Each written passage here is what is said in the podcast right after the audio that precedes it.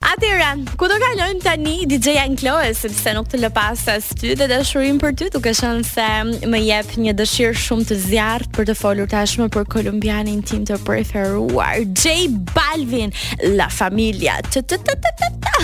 Ai është yll i papërsëritshëm i reggaeton, fitues i dhjetra çmimeve Grammy Latin Awards. e të tjerë e të tjerë. Por janë disa uh, momente pikante për të cilin ju ndoshta nuk i keni dëgjuar. Kështu që le të fokusohemi tek J Balvin. Atëherë, J Balvin vjen nga një familje mesatare. Nuk e prisnim në fakt. Normalisht të gjithë të suksesshmit e botës të rrallë janë që vijnë nga familje shumë të të shtrenjta dhe eksplicite, por që në vegjëli dëgjonte rock, kryesisht Nirvana. Pastaj reggaetonin e mori si inspirim nga Daddy Yankee. Ngjyra e tij e preferuar është e zeza. Në fakt shumë e çuditshme, mua personalisht nuk do më kishte shkuar kurrë mendja që J Balvin që vishet ylber totalisht në projektet e tij dhe në klipet e tij apo në daljet publike ka gjithmonë baggy style, kapela, ngjyra ngjyra, Dhe të preferonte ngjyrën e zezë, por ndonjëherë nuk dihet, prandaj duhet t'i njihni njerëzit. Ka vuajtur nga ankthi dhe nga depresioni. Po po, dhe kjo është shumë e vërtetë, duke qenë se në një bisedë në vitin 2020 me Becky G, përveç se mikeshë dhe bashkëpunëtore, janë dhe latinë që të dy dhe prodhojnë mjaft art të bukur për uh, jo vetëm për pjesën latine, por për mbarë botën muzikore. Ai tha që kishte momente që realisht donte të vdiste. Larg qoftë. Kush do na bëjë këngë kaq të bukura? J Balvin, ç'i ke këto ide, të lutem. Për të kaluar kështu tek uh, një tjetër moment diferencues për sa i përket karakterit të tij.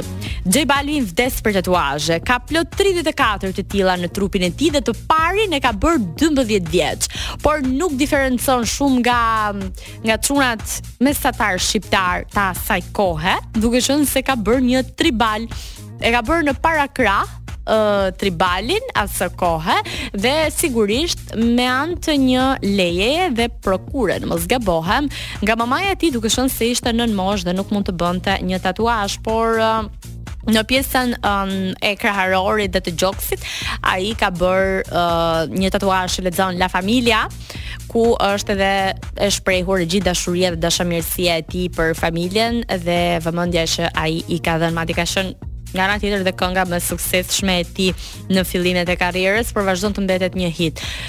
Edhe Ay Vamos është mjaft e mirë.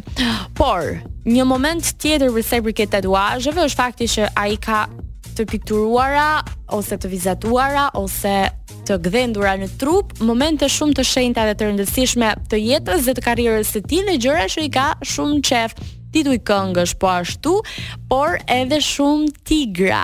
Se po e them këtë, për faktin se kafsha e preferuar e J Balvin është tigri. Ai thotë që e inspiron së tepërmi, i jep shumë entuziazëm dhe dëshirë për fitore, kështu që mos u çudisni nëse shihni një ditë me një tigër. Ë, uh, siç po thoja pak më parë për çështjen e depresionit, një sëmundje e tij kronike është fakti që ai vuan nga ataket e panikut dhe demenca. Në vitin 2018, ai vendosi buzëkuq, duke u paraqitur kështu jo vetëm në dalje publike, por duke i bërë jehonë të madhe, një mbështetje shumë të fortë që dha për gratë e dhunuara dhe të gjitha ato zëra të cilat ndoshta ishin shtypur nga një botë maskiliste. Kur ishte i vogël nëpër rrugët e Medelinit, nëpër rrugët e Medelinit, jo si Pablo Escobari, por ndryshe nga ai, shiste produkte. Aty ishte edhe nisja e një karriere të tij të këndshme le të themi drejt një rruge të madhe suksesi, duke e mësuar me një jetë atje jashtë të vështirë, të egër, por që i dha frymëzimin e duhur për ta bërë atë që është sot. Ë uh, net worth i tij ose pasuria fakt në vitin e kaluar është vlerësuar me plot 16 milion dollarë. Gjithashtu, një mendim që ai ndan është fakti që Rihanna dhe Drake duhet të futen në botën e muzikës latine. Ai mendon që mund t'i rrinte mjaft mirë kjo botë. Dhe nga ana tjetër, siç po thoja pak më parë për çmimet Grammy që ka fituar, ai ka fituar plot 6 Grammy Latin Awards ose Latin Grammy Awards. Dhe tjetër, i pyetur për orientimin e tij seksual, ka patur në fakt mjaft dilema nëse i përkiste komunitetit LGBTQ+ apo është straight, por ai ka deklaruar që është Totalisht straight dhe gjithashtu ka deklaruar disa prej të dashurave të tij të famshme, por një pjesë të mirë i pëlqen që mos të jenë të famshme. DJ Ankloa, ku kalojmë tani? Ah, ok, paskemi dhe një 2 minutësh. Ajo që duhet të thënë për muzikën latina në tërësinë e saj është fakti që gjithmonë në Spotify ata janë të parët, duke qenë për hir. Kjo shkaktohet edhe nga fakti që numri i popullsisë është shumë i lartë dhe ata votojnë dhe i mbështesin shumë.